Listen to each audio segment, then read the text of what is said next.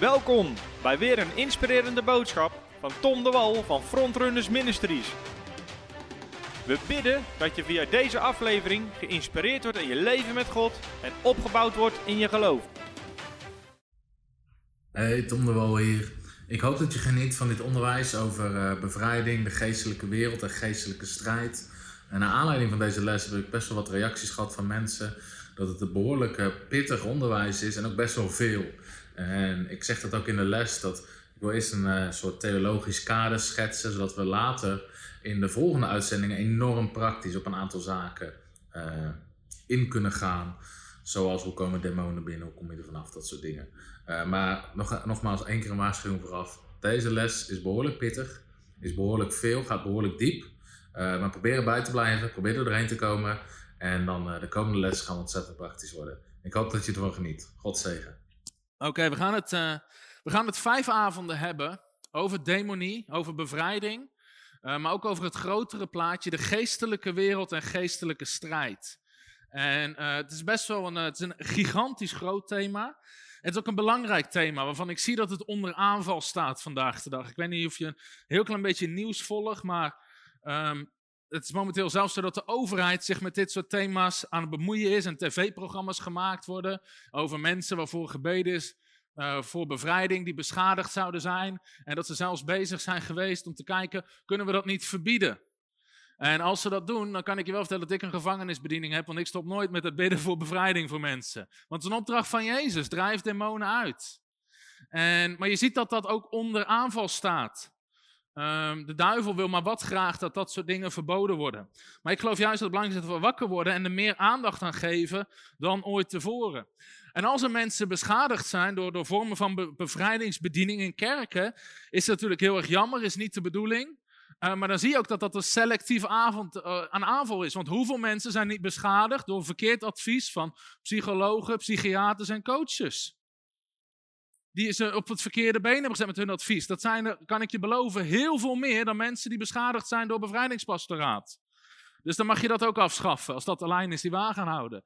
Dus daarin zie je dat het een selectieve aanval is. En dat het juist belangrijk is dat we over dit soort dingen praten. En uh, het is niet voor niks dat uh, Paulus zegt dit over de, en over de geestelijke wereld. In 1 Korinthe 12 gaat ook over de geestelijke gaven, maar het woordje gave staat er eigenlijk niet in de grondtekst, is later ingevoegd om het een goede zin te maken. Maar er staat, wat nu de geestelijke gaven of de geestelijke dingen betreft, broeders, wil ik niet dat u onwetend bent. Dus het is de wil van God dat we kennis hebben over die geestelijke wereld en hoe dat zit.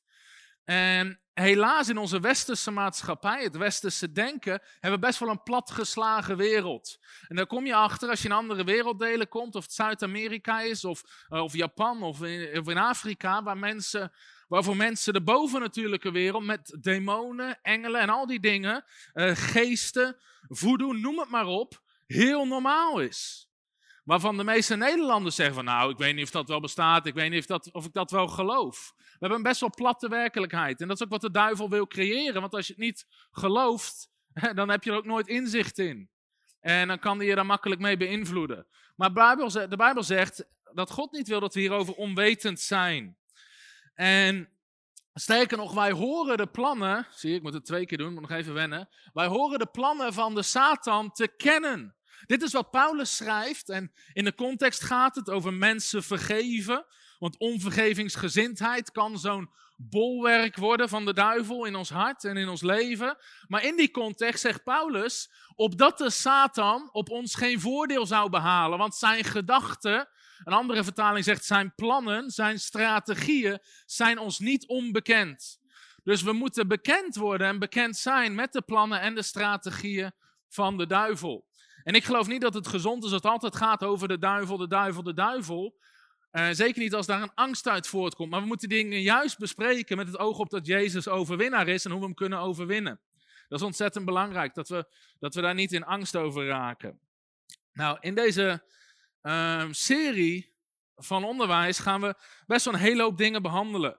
Over geestelijke strijd, over demonen. Hoe komen demonen binnen? Wat zijn gronden in je leven? Hoe kan je mensen vrijzetten van demonen? Hoe kan je er zelf van vrijkomen? En vanavond ga ik een start maken en dan ga ik even het, grotere plaatje, even een stap terug doen.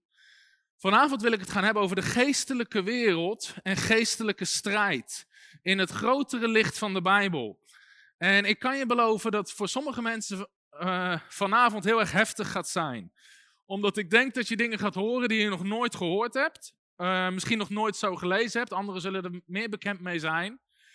En het is ook niet heel eenvoudig. Maar de Bijbel spreekt over melk, hè, wat is voor baby's. Maar we zitten hier niet met uh, baby's, jullie zijn tweedejaars Bijbelschoolstudenten. Maar het spreekt ook over vast voedsel, wat we moeten eten. En vanavond gaan we echt diep in op het woord van God. Um, en dat is dus wel vast voedsel. Dus soms moet je echt even kouwen, nadenken en scherp erbij blijven. En ook over de les van vanavond. Ik heb best wel even getwijfeld van, joh, ga ik dit onderwijzen? Omdat je zou het relatief makkelijk over kunnen slaan en gewoon beginnen met uh, hoe komen demonen binnen als eerste onderwijs? Of uh, hoe kom je van demonen af? Alleen je gaat altijd vragen krijgen. En we willen ook ruimte nemen, zeker in de loop van de serie, voor vraag en antwoord. En dan zijn er altijd mensen die vragen: maar waar komen demonen vandaan? Heb je dat wel eens afgevraagd? Wie heeft zich wel eens afgevraagd? De meeste mensen wel. Waar komen demonen vandaan? Of waar komen die geestelijke machten vandaan? Waar Paulus over spreekt, als hij spreekt over wereldbeheersers. En hoewel het uit te leggen is vanuit de Bijbel, is het geen makkelijk onderwijs. Weet je, iedereen die een alfa-cursus heeft gevolgd, is niet aan bod gekomen waarschijnlijk omdat het niet heel erg makkelijk is. Het hoort niet bij de basisbeginselen van het woord van God. Maar het is wel belangrijk dat we er kennis over hebben. Dus ik heb best wel getwijfeld, omdat wat ik vanavond ga delen kan best wel nieuw zijn, wat schokkend zijn. Ook een ander beeld geven op, op, op Bijbelverhalen en zelfs de grotere lijn van de Bijbel. En bovendien is het heel erg veel. Maar ik wil vanavond ingaan op hoe zit de geestelijke wereld in elkaar en wat is de, de herkomst of de, of de bron van um, duistere machten, laat ik het even zo noemen. Hoe is dat ergens ontstaan? Dus het gaat over het verhaal van de rebellie van de geestelijke wereld en geestelijke strijd. En nogmaals, dit is dus een, een rode lijn door de Bijbel heen. Um, sommigen van jullie kennen een beetje mijn verhaal. Ik ben begonnen met bevrijding. Dat, waar ik bekend mee was voor lange tijd was het bidden voor genezing. En daar hadden we ook best wel resultaten in. We zagen wonderen gebeuren, mensen genazen. Uh, van kleinere ziektes en van grotere ziektes. Maar op een dag werd ik geconfronteerd, en dat verhaal zou ik misschien nog wel een keer uitgebreider vertellen, met iemand die geen genezing nodig had, maar bevrijding. Die, die, uh, die jongen waar het om ging, die was, was demonisch behoorlijk bezeten, om het zo maar te zeggen. En, um, en toen die confrontatie daar was, begon hij te schuimbekken met zijn vuist op de muur te slaan, te rollen over de grond. En nog veel meer dingen gebeurden daar, waar ik later nog wel over misschien zal vertellen. In ieder geval, ik haalde een vriend van mij erbij. Ik dacht, met z'n tweeën ben je sterker dan in je eentje. Maar hij was zo onder de indruk dat hij ook niet wist wat hij moest doen. En uiteindelijk waren we allebei best wel onder de indruk van dat hele spektakel. En, en dat doet dat iets met je. Uh, wat er uiteindelijk voor resulteerde dat ik banger was voor die demon dan die demon voor mij. En weet je, zo'n verhaal hebben we ook in de Bijbel van de zonen van Skeva in Handelingen 19. Die op een gegeven moment zeggen tegen een man die bezeten is, in de naam van Jezus, die Paulus predikt, ga eruit. En die demonen zeggen, nou, Jezus kennen we en Paulus weten wie het is. Maar wie ben jij? En die man die wist niet wie die was. En, uiteindelijk won die demon. En bij mij is het gelukkig zo uh, dat die demon me niet fysiek aan heeft gevallen. Of die jongen die bezeten was. Maar het lukte niet om hem daar vrij te krijgen. En toen kwam ik erachter, ik heb te weinig kennis over dit onderwerp van demonie en bevrijding om mensen vrij te krijgen. En toen ben ik boeken gaan lezen van onder andere Dirk Prins en uh, het onderwijs van Jan Sjoerd Pastekamp en dat soort onderwijs. Um, ook Pix in the Parlor van Frank en Ida Hammond hebben mij gigantisch geholpen om te groeien in bevrijding. En ook uh, Kenneth Hagen. En toen ik die kennis had, begon ik wel resultaat te krijgen. En dat is eigenlijk een beetje hoe ik ben begonnen met bevrijding. En later ben ik er steeds meer en meer ingedoken, omdat ik ook vragen had zoals waar, maar waar komen demonen vandaan? En hoe zit die geestelijke strijd dan? En uh, dus dat is eigenlijk waar ik vanavond uh, vooral op in wil gaan. Voordat ik daarop in wil gaan, twee belangrijke basiswaarheden die je nooit mag vergeten. Nummer één, de opdracht is simpel. De theologie is lastiger. Maar hou de opdracht simpel. Als we vanavond ingaan op geestelijke strijd en geestelijke machten en hoe die geestelijke wereld functioneert, is dat een behoorlijk ingewikkeld verhaal waar ik ook niet alle antwoorden op heb. En ik denk dat er niemand is op deze aarde die durft te zeggen: ik heb daar alle antwoorden op of ik heb al het inzicht wat daar te behalen valt. Uh, dus sommige van die verhalen zijn best wel ingewikkeld. En om even alvast een voorbeeld te nemen, je kent misschien het verhaal wel van Genesis hoofdstuk 6. Maar de Bijbel zegt dat de zonen van God, de engelen, kwamen naar beneden en hadden seks met de vrouwen op de aarde. Nou, dat zijn geen hele makkelijke verhalen. Maar de opdracht als het gaat over demonie en bevrijding is altijd simpel. Toen Jezus zijn discipelen riep, en ook in Marcus 16, daar zegt hij, in mijn naam zullen ze demonen uitdrijven. Hij gaf ze geen hele cursussen over, over wat het was en waar het vandaan kwam. Hij hield die opdracht ontzettend simpel. De opdracht is drijf demonen uit. En die opdracht blijft ontzettend simpel. Ik geloof dat het belangrijk is om de achtergrond te kennen en er kennis van te hebben. Maar hou de opdracht alsjeblieft simpel. Want sommige mensen, ook in dit soort onderwerpen, zie je verzanden in dingen ontzettend ingewikkeld maken. Ook als het gaat om de opdracht. Maar de opdracht is gewoon drijf demonen uit en houd dat altijd simpel. Ook al gaan we vanavond echt wel wat in op wat ingewikkeldere dingen. Deze vind ik ook belangrijk.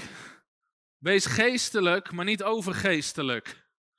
Want wat je soms ziet gebeuren met dit soort onderwerpen is, je kent het gezegde misschien wel, achter iedere boom een demon. En we willen de, de invloed van demonische machten absoluut niet ontkennen. En ik geloof er ook in dat sommige dingen absoluut demonisch zijn. Ik geloof ook niet dat het toeval is dat de week waarin we met dit onderwijs gaan beginnen, dat je 15, 20.000 euro aan waterschade hebt in je pand, het spul instort gewoon in de hoop om je te stoppen. Dus ik geloof zeker dat dat soort dingen demonisch kunnen zijn. Tegelijkertijd heb ik ook wel eens, ben ik wel eens in kerken geweest waarin dan altijd de microfoon kraakte en piepte. En zei ze, ja broeder, er is strijd. Er is strijd. En dan keek ik naar dat mengpaneel en dacht, dat is geen strijd, dat is een mengpaneel uit 1604. Weet je wel, die heb je toen al gekocht op Marktplaats. Dat ding kraakt al tien jaar. Je moet je eens opletten als jij een nieuw mengpaneel bestelt en nieuwe kabels erin stopt en een nieuwe microfoon, hoe in één keer de duivel totaal verdwenen is. Weet je, of, of ik herinner me een jeugddienst waar, in Amerika waar de jongeren met de bus gebracht werden. En onderweg kwamen ze vast en zeiden, broer, we hebben zo'n strijd met onze bus. Ik keek naar die bus en ik dacht, man, je hebt iedere keer geloof nodig om dat ding te starten, om hem te rijden, om te remmen. Weet je wel, dat, dat ding kwam uit de Flintstone-tijd onderhand. Dat is geen strijd, je hebt een nieuwe bus nodig. Dus zelfs in de context van de duivel zegt de Bijbel: wees nuchter en wees waakzaam. Dus blijf ook nuchter in dit soort dingen. Ja, heel veel dingen zijn demonisch en er zijn demonische aanvallen. Maar blijf wel nuchter. En het betekent niet dat je je gezonde verstand niet meer hoeft te gebruiken. Dus wat ik hierin ook altijd heel belangrijk vind, is kijk naar de voorbeelden in de Bijbel. Hoe deed Jezus het? Hoe deed Paulus het? Hoe deden ze het in het boek Handelingen? En dan zie je dat ze het ontzettend simpel hielden. Jezus trok rond en hij dreef de boze geesten uit. En dat was gewoon vaak ontzettend simpel. En um, om alvast even een voorbeeld te geven. Ik zie de apostel Paulus op het moment dat hij bijvoorbeeld naar demonische steden gaat. Zelfs een stad zoals Efeze. Met allerlei afgoderijen en demonen die daaraan beden werden. Zie ik hem niet een bidstond houden van 16 weken, demonen binden en allerlei ingewikkelde dingen doen voordat hij erheen ging. Nee, hij ging erheen, hij predikte het evangelie. En terwijl hij het evangelie predikt, lees je ook in Handelingen 19, werden de demonen uitgedreven en, en gebeurden de wonderen en tekenen. Dus om even een voorbeeld te geven, dat ik denk dat we het soms heel erg ingewikkeld maken. En, uh, of mensen die soms hier onderwijs langskomen hoe je de octopusgeest moet binden over een eiland of zo. Je denkt, waar halen ze het vandaan? Tegelijkertijd kunnen sommige dingen echt wel spooky of raar zijn. Ik kan je verhalen vertellen waarvan je oren staan te klapperen. Dat je denkt van, hoe is dat mogelijk? Uh, een van de verhalen bijvoorbeeld van Jan Sjoerd Pasterkamp al. Toen hij, op een gegeven moment was er een hoge uh, priesteres van Satan was tot bekering gekomen. En die hoog in het satanisme had gezeten. Ze gingen haar vrij bidden op een bepaalde locatie. Volgens mij was het dicht langs de A29, langs de snelweg. Op het moment dat ze haar vrij baden, ontstond een van de grootste misbanken ooit. En gebeurde de grootste kettingbotsing ooit in Nederland. Op dat moment met talloze gewonden en dat soort dingen. Ik geloof absoluut dat daar een link uh, zit. Uh, en, en ik was laatst nog ergens met, met Wendy. En en we kwamen daarom in iemand te bidden. En in de geest zag ik die vrouw met een, met, een, met een python, met een slang om de nek. In de geest. Dus ik zeg, in de geest zie ik een slang om je nek zitten. En ze, en ze zei, ja, ik kom uit het hindoeïsme of boeddhisme, een van die twee. En we hebben altijd slangenoffers gebracht. En, en bleek dat, dat ze hele geschiedenis had met demonische goden die naar slangen verwezen, et cetera. Dus, dus dat soort dingen zijn wel degelijk reëel. Uh, dat moeten we ook niet vergeten. Oké. Dus deze twee waarheden even om mee te beginnen. Laten we het eens gaan hebben over de geestelijke wereld. Uh, hoe zit die in elkaar in de momenten van geestelijke rebellie?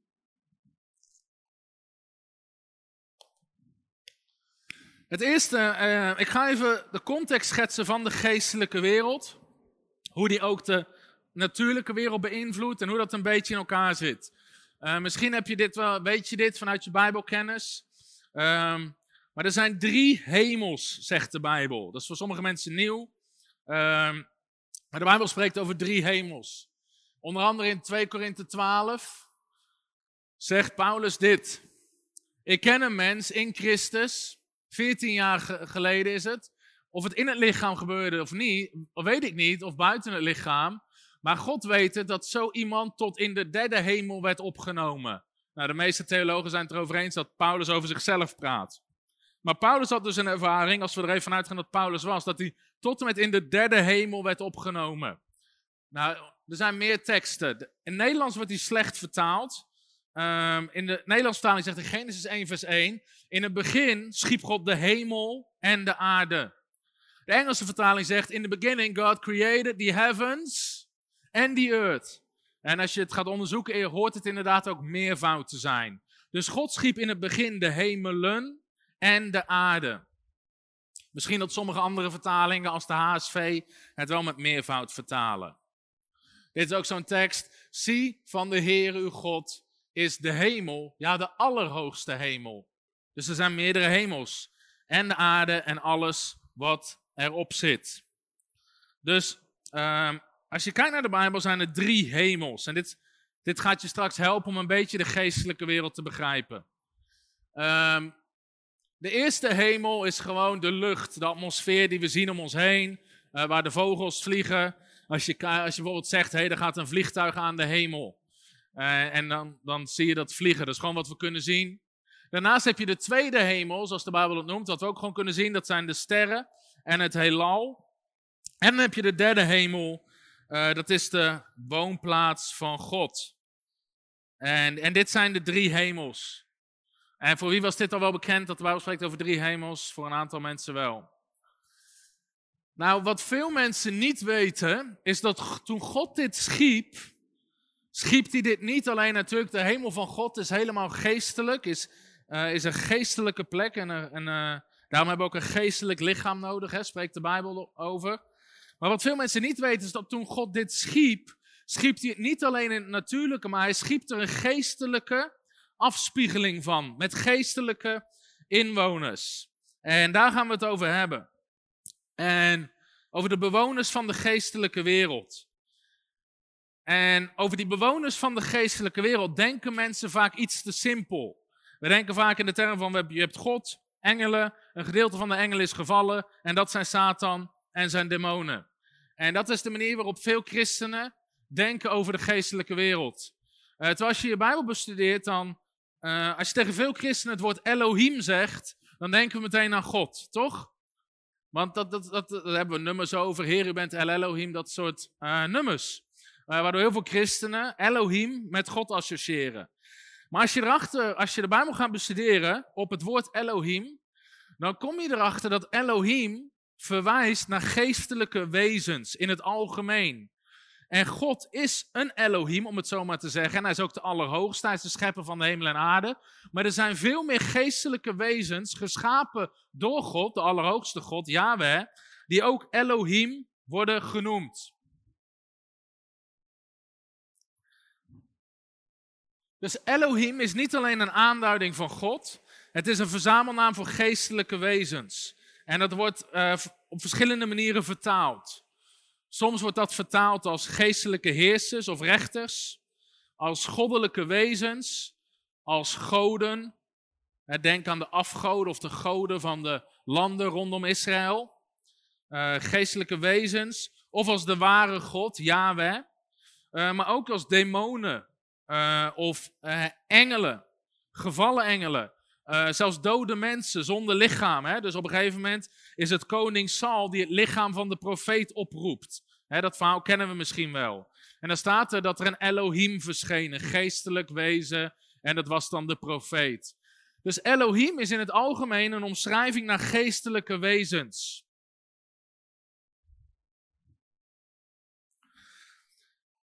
God is de enige ware God. Hij is de schepper, maar er zijn meer goden. En je moet bijna oppassen als je dit zegt, omdat wij zijn zo opgevoed met het beeld van er is maar, uh, er is maar één God.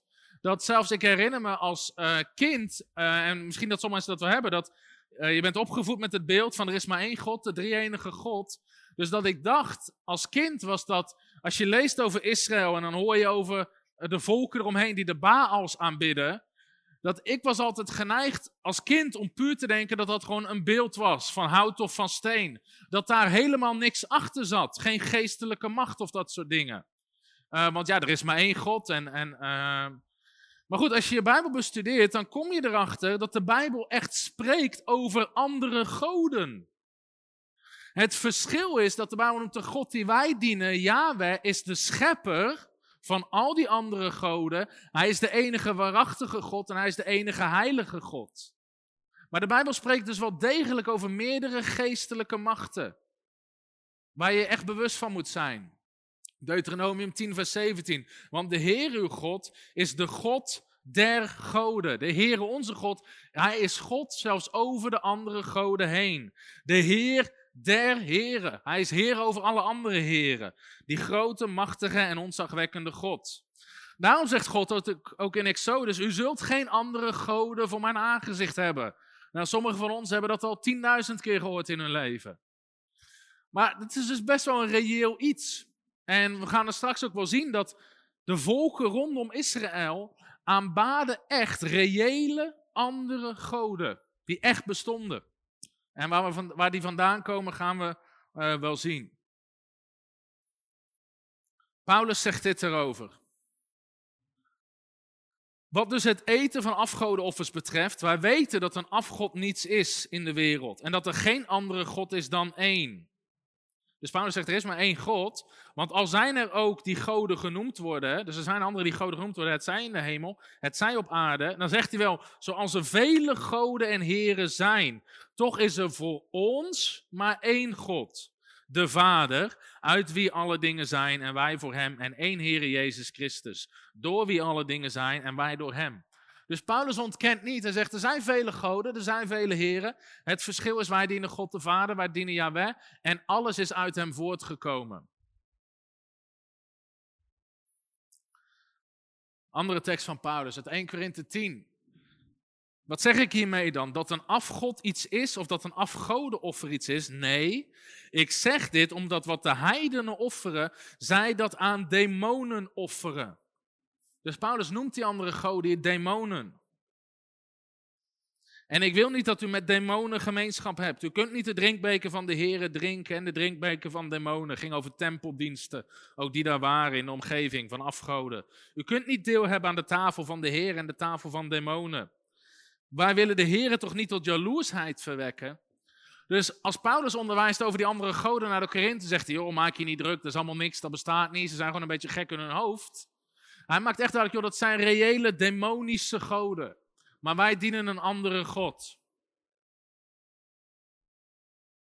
Dus God schiep de drie hemels met zijn geestelijke bewoners. God schiep de geestelijke wereld met zijn geestelijke bewoners. En uh, die bewoners van de geestelijke wereld, die worden in de Bijbel ook wel zo genoemd. En deze termen herken je misschien wel als je de psalmen leest of de profeten of andere teksten. De hemelse raad, de legermachten, de heren der legermachten, de raad van God, de zonen en kinderen van God. En ook engelen en die geestelijke wezens worden dus zo genoemd. In het boek Job staat bijvoorbeeld dat de zonen van God hem om zich heen verzamelden en onder hen kwam de Satan. Nou, dat ging niet over mensen, dat is een kijkje in de hemel. uh, de morgensterren, engelen. Deze worden allemaal Elohim genoemd en soms worden ze specifiek vertaald als engel of geest of demon, maar het zijn allemaal geestelijke wezens. En als je je Bijbel bestudeert, dan worden die dus vaak de raad van God genoemd. En dan kom je erachter dat God uh, heeft niet alleen de mensen gemaakt, God heeft ook die geestelijke wezens gemaakt. En God kiest er zelfs voor om samen met die geestelijke wezens te regeren. En dat klinkt voor sommige mensen bizar, omdat wij een, het beeld hebben, vaak vanuit onze opvoeding en uh, vanuit kinderboeken, dat God zit in zijn eentje op de troon. Er staat in 10.000 kilometer niemand in de buurt die in de buurt kan komen. En God bepaalt in zijn eentje alles. Dat is, laten we eerlijk zijn, dat is vaak het beeld wat we hebben toch over God als we eraan denken. Maar denk maar eens aan teksten als Jezaja, waar Jezaja ziet in de hemel en dan ziet hij die serafs. Die ziet hij staan om de troon van God. En wat is de roep die Jezaja hoort? Wie zal ik zenden? Wie zal er voor ons gaan? En God bestuurt, God regeert, maar God gebruikt dus die geestelijke raad, die geestelijke wezens om hem heen. En dan zegt Jezaja, hier ben ik, zend mij. En dan komt een van die serafs en die raakt hem aan. Maar dan krijgen we een kijkje in de hemel, waar je ziet dat God samenwerkt met die geestelijke wezens om zijn plan op aarde uit te voeren. En ik ga je zo meteen nog wel andere teksten laten zien. En ik snap dat dit voor sommige mensen uh, nieuw is, of hier nooit bij stil hebben gestaan. Maar het geeft wel een goed beeld van de geestelijke wereld. Dus God schiep die drie hemels met geestelijke wezens, de raad van God, de legermachten van God, de Elohim, die om hem heen staan. Nehemia 9, vers 6 zegt dit. U bent het, heren, u alleen, u hebt de hemel gemaakt, de allerhoogste hemel. En heel het leger erin. Zie je, God maakte de hemel en het hele leger erin de aarde en alles wat daarop is, de zeeën en alles wat daarin is. U doet alles leven. En de menigte aan de hemel buigt zich voor u neer. Dus er is een hele menigte in de hemel en ze buigen uiteindelijk allemaal tot God. Dit is interessant, want nadat God de schepping beschrijft in Genesis hoofdstuk 1, dan zegt Genesis hoofdstuk 2, vers 1 dit. Zo zijn de hemel en de aarde voltooid en heel hun legermachten. Dus God schiep, en dat ga ik zo meteen nog laten zien, en anders kan je het in de aantekeningen nog wel dieper zien. Toen God, ik loop alvast een stapje vooruit, toen God de sterren schiep, zegt de Bijbel dat zij waren tot tekenen aan de lucht en zij heersten over dag en nacht. Nou, om alvast even een soort mindshift te geven. God schiep in het begin al licht, maar later pas de zon, de zee, de maan en de sterren. Dat herken je misschien wel. Dat je vroeger dacht, ja, maar hoe kan dat dan? Dat er al licht was en later komt pas de zon, de maan uh, en dat soort dingen. Uh, maar dan zegt de Bijbel dat zij zijn, ze zijn fysiek reële lichten. En als we dat zien, dan is dat zo. Maar ze hebben dus een geestelijke afspiegeling. Zij verwijzen ook naar wat God heeft gemaakt in de geestelijke wereld. Als God gaat scheppen, dag 1 tot en met 3 brengt God orde in de chaos. En dag 4 tot en met 6 vullen de juist geschapen uh, orde met zijn bewoners. Dus dag 1, God schept de tijd. Uh, de orde van tijd, licht, duisternis en uh, dag en nacht. Terwijl op dag 4 God pas de lichten schept. Dag 4 de orde van ruimte, wateren boven de lucht en wateren onder de lucht, de zee. En dan schept hij daar de bewoners van op dag 5, de vogels in de lucht en boven het water. Als ik het vergeet, moet jullie het even zeggen. um, dag 3, de orde van het droge land. Het land wordt gescheiden van het water en de begroeiing ontstaat op het droge land. En dan op dag 6 schept God pas de dieren en de mensen die heersen over de schepping. Oké.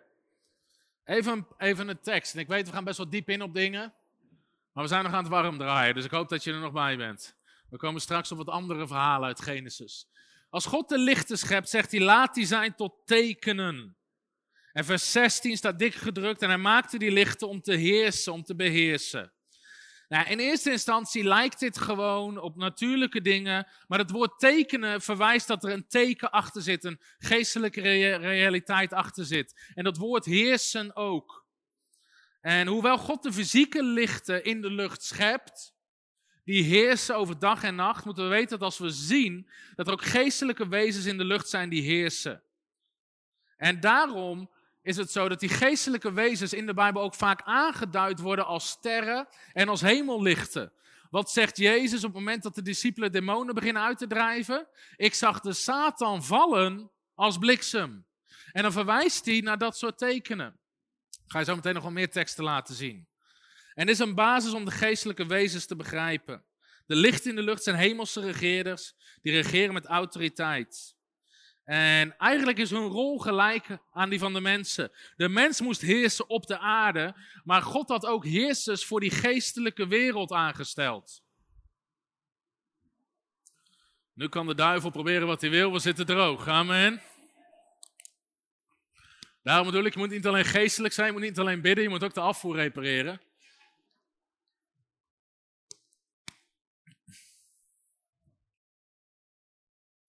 Een aantal teksten met verwijzingen hierna.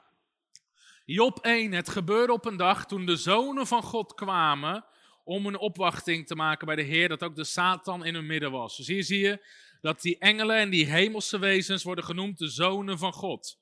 Als wij het hebben over zonen van God, denk vaak aan het Nieuwe Testament. Hè? We zijn kinderen van God geworden. Maar dit spreekt dus over die geestelijke wezens. Job 38, vers 7. Toen de morgensterren samen vrolijk zongen en al de kinderen van God juichten. In de context vraagt God daar aan Job, uh, als Job denkt dat hij beter weet hoe de wereld in elkaar zit, dan zegt hij, Job, waar was jij? Toen de morgensterren, dus toen de engelen, toen die hemelse wezens samen zongen en die kinderen van God juichten.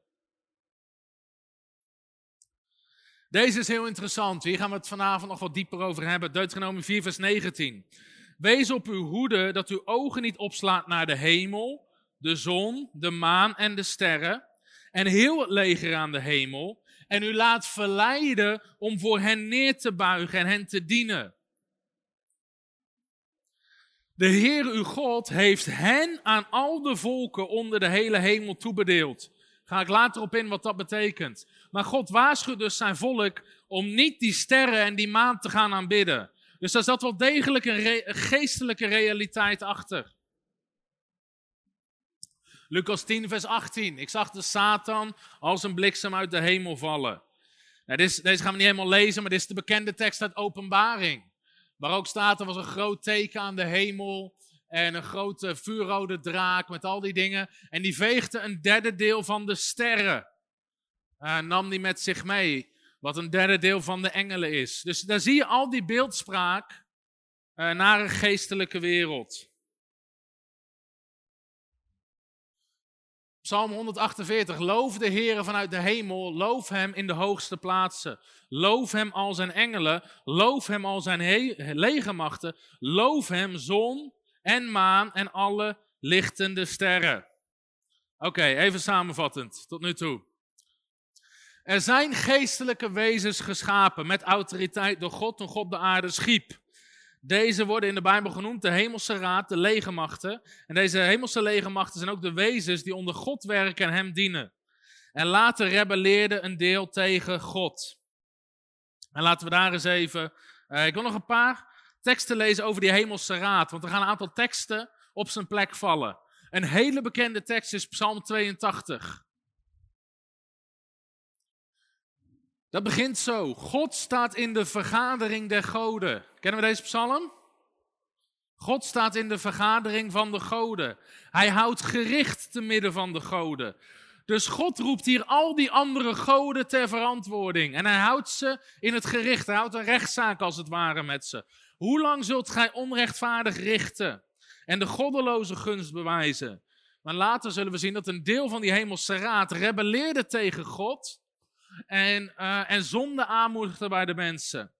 Maar hier even, alleen, ik ga even het eerste, uh, alleen even het eerste stuk, hoewel je hier nog veel meer termen ziet over de zonen van de Almachtige. Het gaat allemaal over die geestelijke wezens die God heeft gemaakt. Maar God roept ze hier ter verantwoording. Want God staat in het midden in die vergadering of in die raad van goden.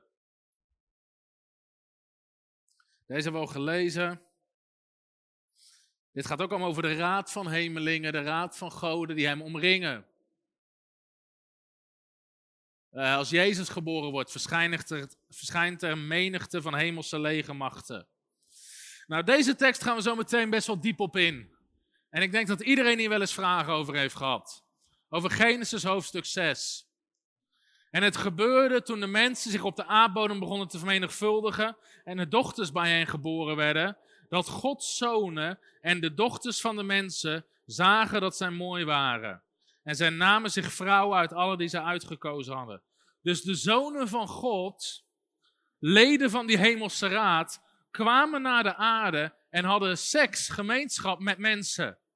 Nou, wie heeft zich wel eens afgevraagd, wat is dit? Toch? Dat zijn niet echt teksten, ook niet die op een alfa-cursus behandeld worden.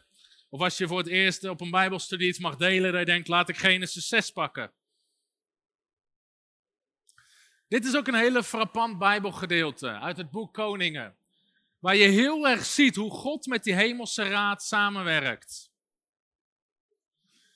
Toen zei de koning van Israël tegen Jozefat, heb ik niet tegen u gezegd, hij zal over mij niets goeds profiteren, alleen maar onheil. Verder zei Micha, daarom hoor het woord van de Heere. Ik zag de Heere op zijn troon zitten en heel het hemelse leger stond bij hem, aan zijn rechter en linkerzijde. En de Heere zei, wie zal Agab misleiden, zodat hij zal optrekken en bij Ramoth in Gilead zal vallen in de strijd. De een nu zei dit en de ander zei dat. Toen trad er een geest naar voren en ging voor het aangezicht van de Heer staan. En die zei, ik zal hem misleiden. En de Heere zei, waarmee? En hij zei, ik zal erop uitgaan en een leugengeest zijn in de mond van de profeten. En hij zei, u mag misleiden en u zult er ook toe in staat zijn. Vertrek en doe het zo. En zo heeft de Heer een leugengeest gegeven in de mond van de profeten. Nou, in dit tekstgedeelte wordt het heel erg duidelijk.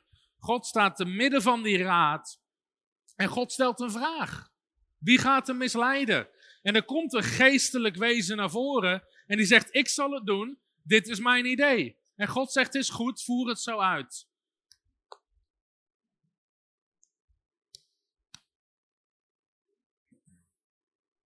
Na tekst, na tekst, na tekst.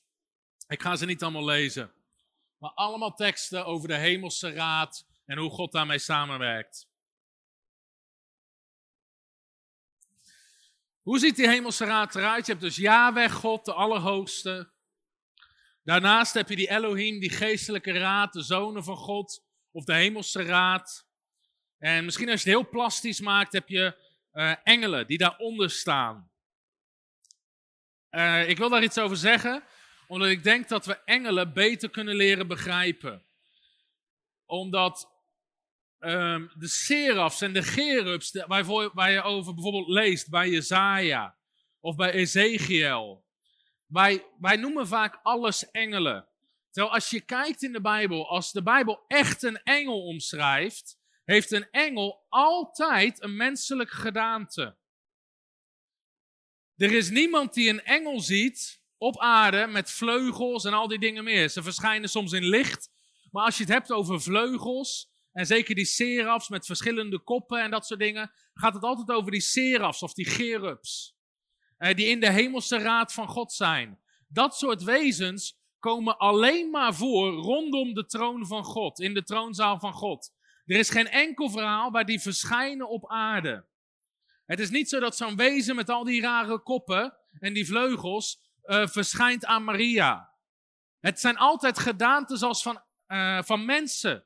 Daarom zegt het Bijbelboek Hebreeën, verleen gastvrijheid, want sommigen van u hebben zonder het te weten engelen onderdak geboden. Dat is een bijzondere tekst, hè? Dus heel vaak komen engelen in de vormen van mensen. Nou, daar kan je ook gigantisch veel verhalen over vertellen. Maar onder andere Abraham ziet een groep mannen lopen. Hij rent erop af en het blijkt God te zijn met engelen. En dan zie je dus vaak dat als mensen verschijnen, of als engelen verschijnen, dat het in de gedaante van een mens is. En dat betekent letterlijk boodschapper.